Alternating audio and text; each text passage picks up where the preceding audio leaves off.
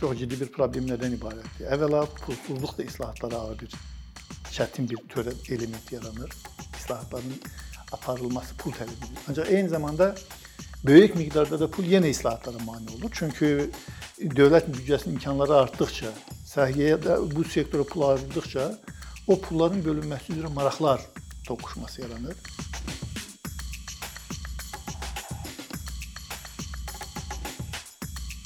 Azər müəllim, salam. Xoş gördük sizi. Çox təşəkkür edirəm gəldiyiniz üçün. Xoş gördük. Mən istəyirəm bugünkü söhbətimizə icbari tibbi sığortadan başlayaq. Çünki 2021-ci il Azərbaycanda həm də bütün ölkə ərazisində icbari tibbi sığortanın tətbiq edilməsi əlamətdar oldu. Qısaca məlumat verim ki, bu nədir izləyicilərimiz üçün? Muzla işləyənlər, rəsmi əmək müqaviləsi ilə işləyənlər hər ay gəlirinin 2% məbləğində, fərdi sahibkarlar isə 10 manat məbləğində sığorta haqqı ödəyirlər. Digər əhali qrupları üçün isə bu vəsait dövlət büdcəsi hesabına hələ ki qarşılanır hələ ki və bu şəxslər 2550 adda tibbi xidmətdən istifadə etmək haqqı qazanırlar. Amma maraqlıdır ki, bu icbari tibbi sığorta 2021-ci ildən bütün ölkə üzrə tətbiq edilsə də, bununla bağlı qanun hələ 1999-cu ildə qəbul edilmişdi. Ona görə mənə maraqlıdır sizcə niyə hökumət bu icbari tibbi sığortanın tətbiqini 20 ildən çox gözlətdi və yaxud hal-hazırda hansı iqtisadi və ya digər səbəblərdən artıq bu qərar qəbul edildi ki, biz bu icbari tibbi sığorta sisteminə keçməliyik.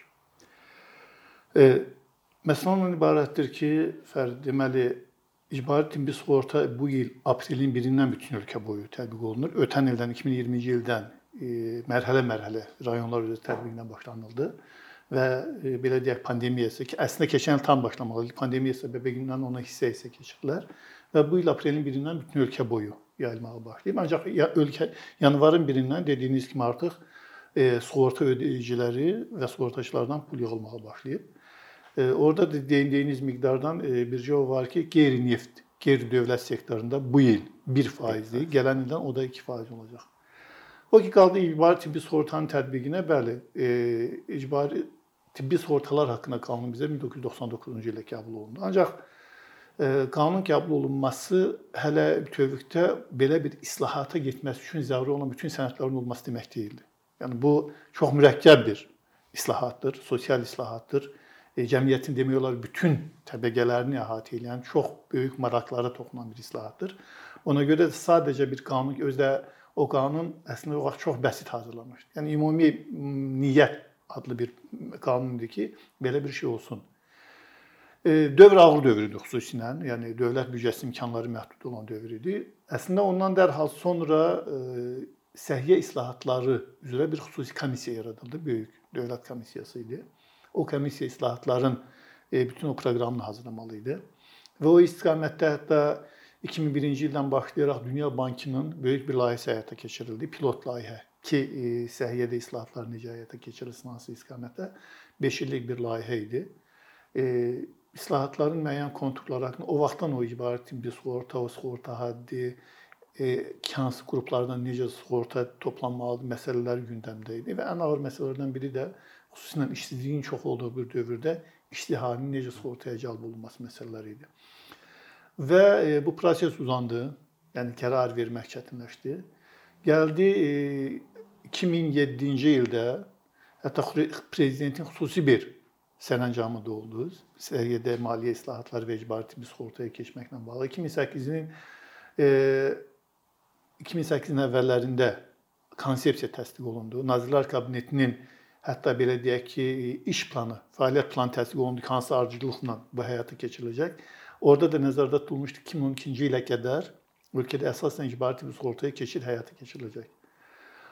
2007-ci ildə icbari tibbi sığorta üzrə Dövlət Agentliyi də yaradılmış Nazirlər Kabinetinin nəzdində. Ancaq ə, məsələ ondan ibarət bir tərəfdən ölkəyə böyük neft pulları gəlməyə başlamışdı. Burada çox ciddi bir problem nədən ibarətdir? Əvvəla pulsuzluq da islahatlara ağır bir çətin bir törə element yaranır. İslahatların aparılması pul tələb edir. Ancaq eyni zamanda böyük miqdarda da pul yenə islahatlara mane olur. Çünki dövlət büdcəsinin imkanları artdıqca səhiyyəyə də bu sektora pul ayrıldıqca o pulların bölünməsi üzrə maraqlar toqquşması yaranır.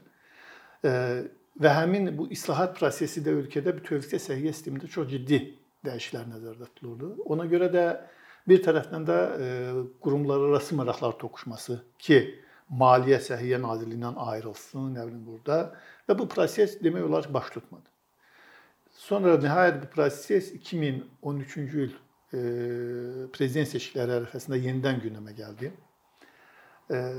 Və qərar verdilər ki, artıq belə deyək ki, bu islahata getmək lazımdır. 2000 14-cü ilin ikinci yarısında maliyyə böhranı dünyada baş verən, yəni neftin qiymətinin aşağı düşməsi 2015-də hökumətin üzləşdiyi ağır durum və axır ki, hökumət bu islahatlara getmək qərarını aldı. Yəni artıq 2016-cı ildən ciddi şəkildə bu istiqamətdə addımlar atıldı, pilot rayonlar müəyyən edildi.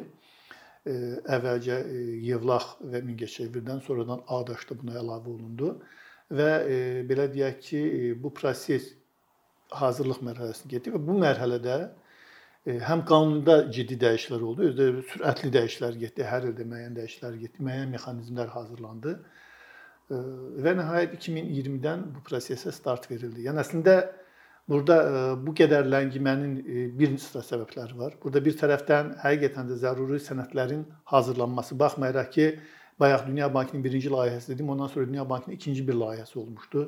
Bu istiqamətdə ailə belə deyək ki, həkimlə keçid istiqamətində müəyyən işlər həyata keçirilmişdi. Tibbi klinik protokollar deyirlər ki, bu proses çox əhəmiylidir. Onların hazırlanması istiqamətində işlər gedir. Ancaq bütün hallarda ən ciddi məsələ burada qurumlar arası ziddiyyətlər məsələsi idi. Çünki Səhiyyə Nazirliyi həm səhiyyə xidmətinin göstərilməsi, həm səhiyyə siyasətini həyata keçirən, həm maliyyələşmə funksiyalarının əlində cəmləşmişdi və istəmirdi əlindən getsin. İcbari Tibbi Sığorta Agentliyi ayrıca bir qurum olmalı idi və təəssüf məsələn bu gün də biz Səhiyyə Nazirliyi-lə e, səhiyyə belə deyək siyasətin həyata keçirmə funksiyası qalıb. Ancaq e, tibb maliyyələşmə funksiyası ilə tibbi xidmətlərin göstərilməsi yenə bir qurumla cəmləşib. Əslində bu da islahat mahiyyətinə ziddir. Onlar deyirlər ki, bu müvəqqəti bir prosesdir. Ancaq e, bizim belə deyək ki, hələ ki müşahidələrimiz göstərirlər ki, bunun nə qədər müvəqqəti bir proses olduğunu özləri də bilmirlər. Və ən vacibi bu proses e, bilirsiniz, burada bütün cəmiyyət iştirak eləyir. Burada həkimlər burada maraq tərəfidir. E, hələ ki e, xüsusilə həkimlər tərəfindən bu islahatların dəstəklənməsində bir ciddi maraq görünmür. Çünki bunda öz səbəbləri var. Elə mexanizmlər işlənməlidir ki, həkimin hakimin bu islahatı stimullaşdırsın. Təəssüf ki, o hələ görünmür. Azər müəllim 2000 2000-ci illərin ortalarından sonra nə vaxt ki Azərbaycana böyük neft gəlirlər gəldi, rəsmi rəqəmlər də göstərir ki, büdcədən səhiyyə istiqamətinə ayrılan xərclərində ciddi artım qeydə alınır. Amma digər tərəfdən Dünya Bankının Azərbaycanda əhalinin səhiyyə xərcləri ilə bağlı rəqəmləri var. Həmin rəqəmlərdə görünür ki, 2002-ci ildə Azərbaycanda tibb üçün xərclənən hər 100 manatın 72 manatını vətəndaşlar özləri ciblərindən ödəyirdilər. Və baxmayaraq ki, həmin müddət ərzində e, büdcədən səhiyyəyə ayrılan pullar artdı və onu da nəzərə alaq ki, həmin dövrdə dövlət tibb müəssisələrində bəzi tibbi xidmətlər pulsuz idi qanuna görə. Amma ən son 2018-ci ilin məlumatında yenə də bu rəqəm 78 manat. Yəni Azərbaycanda e, tibb xərclərinin təxminən 80% yaxını vətəndaşlar ödəyir. Halbuki Ümumdünya Səhiyyə Təşkilatı bunun 20% həddində olmasını tövsiyə edir.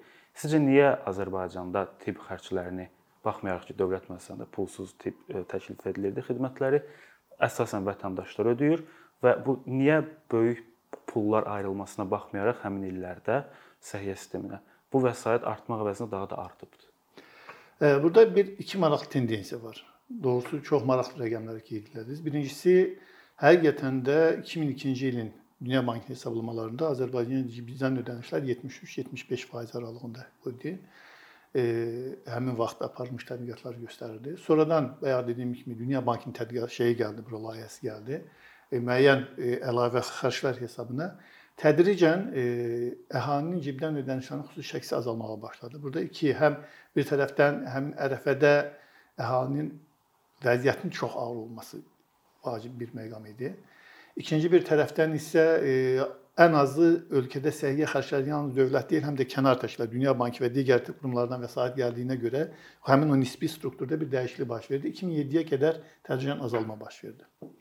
Ancaq dediyiniz kimi artıq 2003-dən, e, 2005-dən əsaslı sürətdə ölkəyə pul gəlməyə başladı və tədricən dövlətdən ayrılıq vəsaitlər artdı. Ancaq başqa bir tendensiya baş verdi.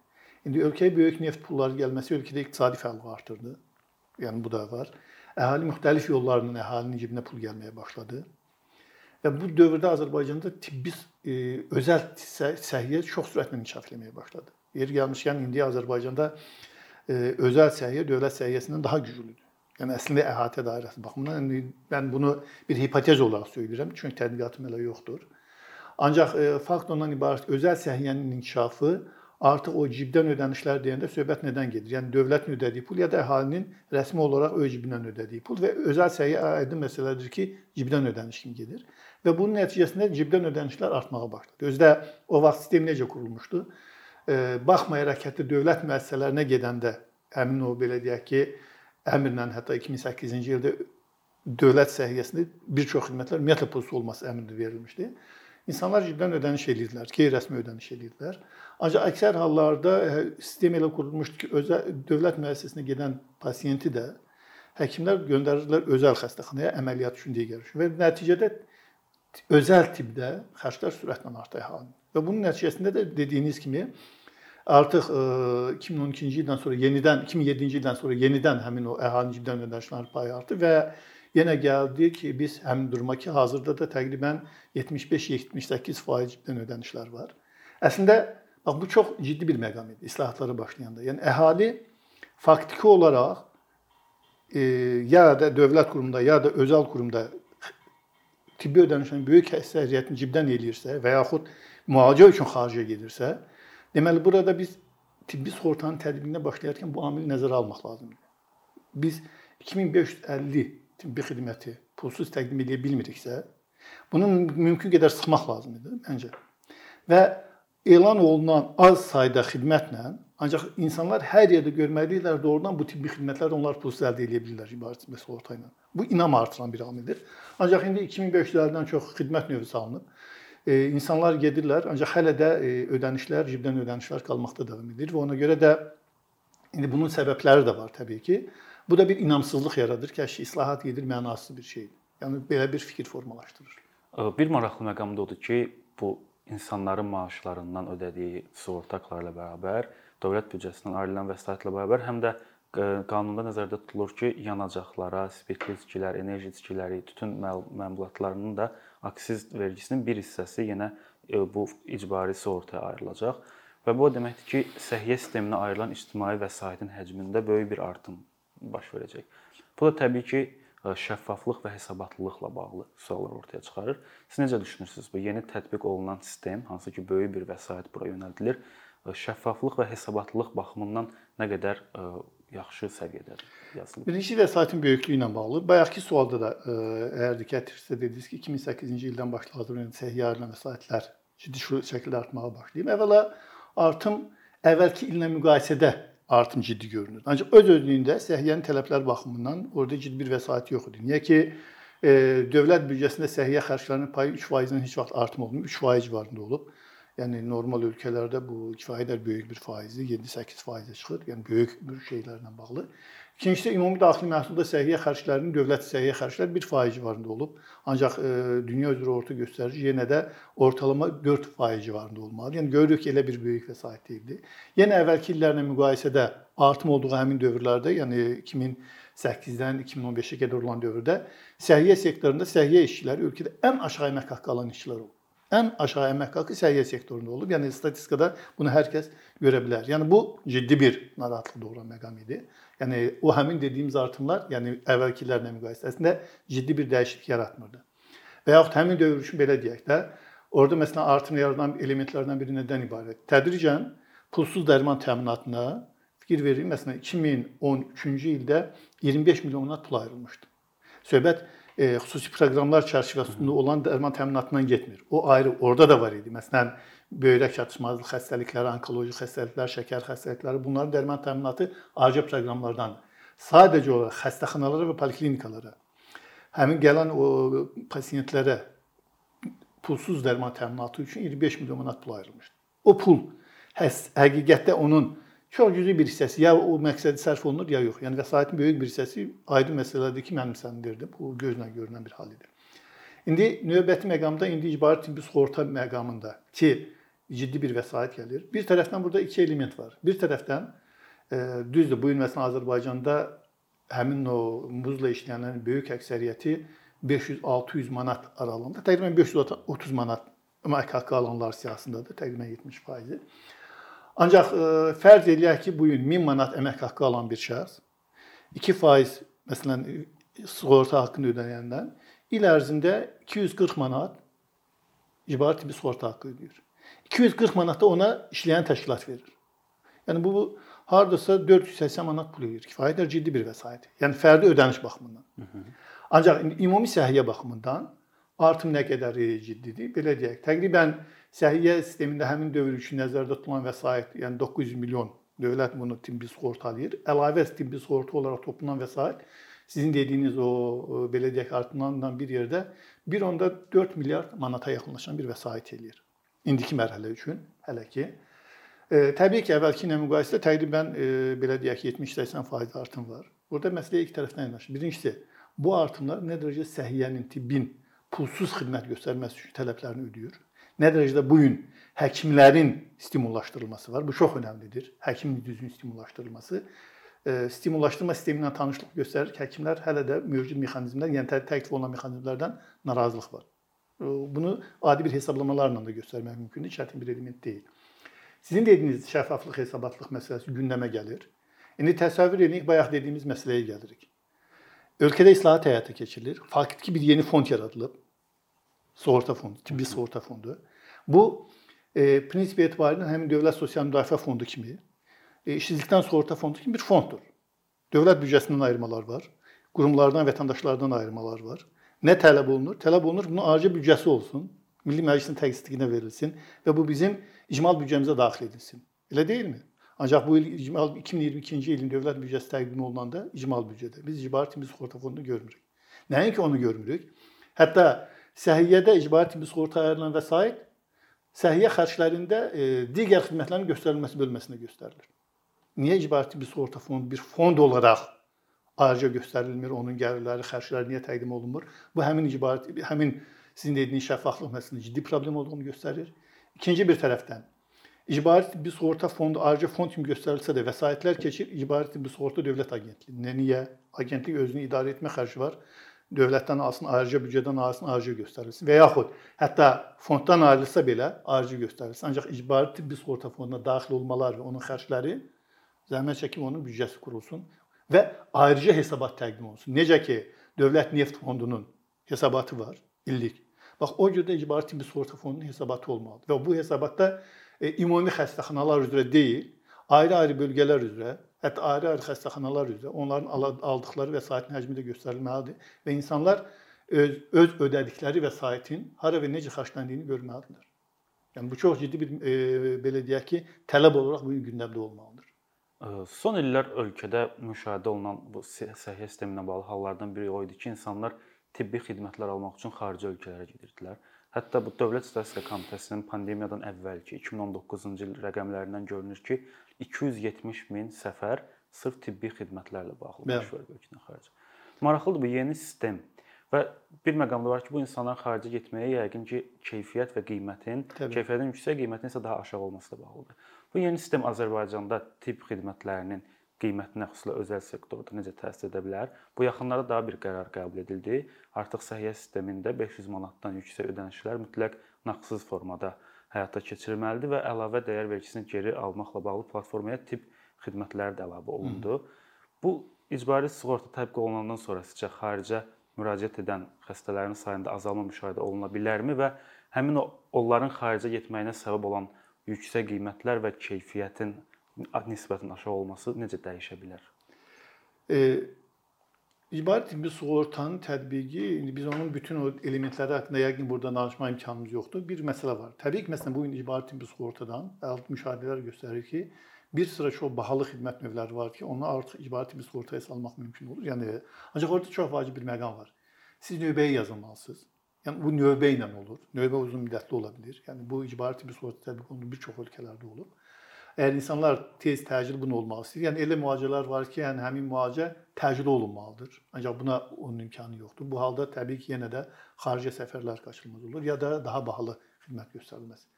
Ancaq e, xarici səfərlə bağlı bu çox əhəmiylidir. Hətta o statistika özü belə yalnız doğrudan da getdiyin səbəbini qeyd edənlər üzrədir. Ancaq insanlarımız daha çox ola bilər heç qeyd eləməsinlər onlar tibbi məqsədlər üçün getdiyini. Və burada mən tamamilə razıyam. İki səbəb var. Bir xidmətin keyfiyyəti, ikincisi isə qiymətlər. Təəssüf ki, Azərbaycanda tibbi xidmətlərin səviyyəsi çox yüksəkdir. Özdə bu qədər özəl sektorun inkişaf elədiyi bir vəziyyətdə də yüksəkdir və təsadüfi deyil ki, məsələn siz bu gün əgər e, ölkə televiziyalarını izləsəz, reklamları izləsəz, ən çox reklam olunan sahə səhiyyə sahəsidir. Tibb müəssisələridir, özəl tibb müəssisələri və yaxud dərmanlardır. İndi burada bir tərəfdən icbari tibbi sığortanın tətbiqi həqiqətən nə dərəcədə insanları naminə yaradacaq və göstərilən tibbi xidmətlərin keyfiyyət məsələsi nəzarət imkanları yaranacaq. Çünki icbari tibbi sığortanın tətbiqinin ən böyük effektlərindən biri əgər maliyyə çatanlığını təmin etməkdirsə, digəri də məhz keyfiyyətə nəzarət mexanizmidir. Çünki indiki halda həkimlə e, pasiyent arasında olan münasibətə e, pasiyentin nəzarət etmə imkanı yoxdur. Yəni o doğru mu müalicə yazdı digər. İndi icbari tibbi sığorta bu problemi aradan qaldırmalıdır. Prinsip etibarilə mahiyyəti belədir ki, ödəyici kənarda olduğuna görə pasiyent gedib həkimə müraciət edib, həkim müayinəni, müalicəni yazandan sonra bütün bu resepti göndərir e, icbari tibbi sığortaya. İcbari tibbi sığorta bunun nə dərəcədə doğru müalicə müayinə olduğunu baxır və onun əsasında ödəyir. Yəni mexanizm nəzarət mexanizm qurulmasına gedir. Nə dərəcədə bu əməl olunacaq bu bir. Yəni bu nəzarət o qədər də asan məsələ deyil. İnstitusional baxımdan bu nə qədər ona imkanı var icbari tibbi sığortanın o sual doğurur. Yəni ki, bu zaman tələb edəcək. İkincisi Azərbaycana gətirilən dərman, Azərbaycanda dərmanların keyfiyyət məsələsi. Çox ciddi dayanır. Fikir verirsə, e, həkimlər də dərman yazanda tapşırır ki, yəni ən azı hətta tanışlıqla olsa belə məsələn filan ölkənin dərmanını alın, yaxud filan e, belə deyək şeydən alın. Bu əvvəlkidən fərqli olaraq məsələn əvvəl bu həkimlə e, müəyyən tibb dərman müəssisələri arasında razılaşma olur. Ancaq indiki o deyil. İndiki sadəcə olaraq ölkədə dərmanların qiymətinin tənzimlənməsinə başlanandan bəri ölkəyə gətirilən dərmanların molekul tərkibində olan dəyişikliklərdir.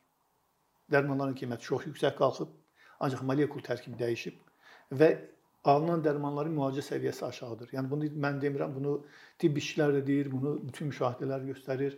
Belə bir vəziyyətdə insanlar bir çox halda görürsüz nə qədər xaricdən dərman gətirilməsi halı var. Yəni bu da geniş yayılıb. Və nəhayət üçüncüsü, bəli, nə qədər ki e, insanların ölkə daxilində səhiyyəyə etibarı yoxdur. Yenə də bu da çox ciddi bir məqamdır. Çünki istənilən şəxs ölkə daxilində həkimə getmək istəyərkən tanış həkim axtarır. Kiməsə zəng eləyir ki, mən belə bir xəstəlik var, tanış həkim. Çünki öz özlüyündə bir institut olaraq həkimə etibar məsələsi var. Mən demirəm ölkədə doğrudan da kifayətlər yaxşı həkimlərimiz də var. Yəni hə, bu şey ancaq onunla belə əhalinin sayı çoxdur. Yəni o baxımdan bax bu həkimə inam qaytarılması məsələsi çox əhəmilidir. E, bununla yanaşı bu tövlədə səhiyyə sisteminin necə qurulmasından məsələ. Təəssüf ki, Azərbaycanda hələ də səhiyyə qurumları arasında, yəni bu səhiyyə siyasət sisteminin təmin edən qurumlar arasında biz əlaqəni görmürük. Qurumlar arası maraqlar ziddiyyəti çox güclüdür. E, məsələn, Səhiyyə Nazirliyi hələ də səhiyyə siyasətini həyata keçirən əsas qurum olduğunu unudub sanki. E, bir sual göndərirsən siyasətlə bağlı deyir, bunu İcbari Tibbi Sığorta Agentliyinə göndər. İcbari Tibbi Sığorta Agentliyi səhiyyə siyasətini hazırlayan qurum deyil. Onlar səhiyyə siyasətinə cavabdeh deyil. Səhiyyə siyasətinə e, Səhiyyə Nazirliyi cavabdehdir. Xəstəxanalara biz bayaqlar məsələ qaldı. Dedik ki, icbari tibbi sığorta əslində qalsa tibbi xidmətlər göstərən qurum deyil, ancaq təbib tibbi xidmətləri göstərən qurumdur, icbari tibbi sığortanın tərkibinə daxildir və deyirlər bu keçid dövrü üçündür. Ancaq yenə sual göndəririk ki, bu keçid dövrü nə qədər olacaq? Nə vaxt səhiyyə müəssisələri müstəqilləşəcək? Deyir hələ məlum deyil. Yəni o belə deyək islahatın gedişməli deyil. Yəni o baxımdan sizin qoyduğunuz qoyduğunuz sual ki, bizim səhiyyə əslində ümumiyyətlə xidmət əldə etməsi üçün ölkələr arasında bu cür gediş-gəlişlərin olması normaldır. Ancaq bir var ki, insanlar ölkə daxilində onların arzuladığı xidməti e, belə deyək ki, müəyyən xidmət növlərini əldə edə bilmədiyinə görə bu səyahətlər edilsin. Bir də var bu hal kütləvi hal alsın. Məsələn, İrana, Türkiyəyə müalicə üçün gedişlər sürətlənsin. Yəni bu baxımdan e, o taleyi həll edən məsələ icbari tibbi sığorta islahatlarının necə getməsindən asılı olacaq.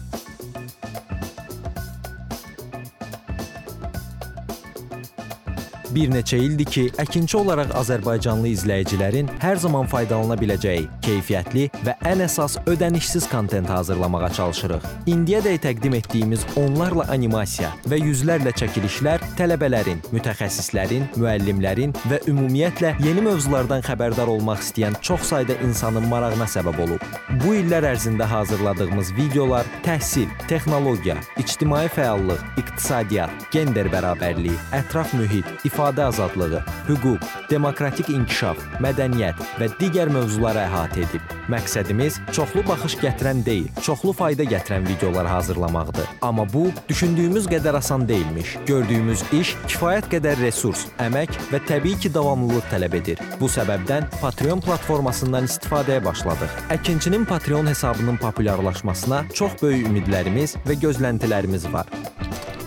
Bəziləriniz Patreon haqqında ilk dəfə eşidirsiniz. Əslində çox sadə izahı olan bir platformadır. Təsəvvür edin ki, siz rəssam və ya musiqiçisiniz. Sosial şəbəkələrdə sizi izləyən, işinizi bəyənən çox sayda insan var. Patreon platforması sizə imkan verir ki, izləyicilərinizin könüllü aylıq ödənişləri sayəsində işinizi davam etdirəsiniz. Sərgi, konsert zallarından asılı qalmayasınız. Amma bu təkcə rəssam və musiqiçilərə aid deyil. Məsələn, əkinçiyə bənzər fəaliyyətlə məşğul olan bəzi layihələrin 10 minlərlə patronu var. Biz də düşündük ki, nə üçün əkinçinin Patreon hesabı olmasın? Sizin dəstəyiniz sayəsində biz daha çox və daha keyfiyyətli kontent yaratmağa davam edə biləcəyik. Amma bu dəstək yalnız maddi dəstək deyil. Dəstəkçilərimizin sayının artması gördüyümüz işlərin faydalı olduğuna dair əminlik verir.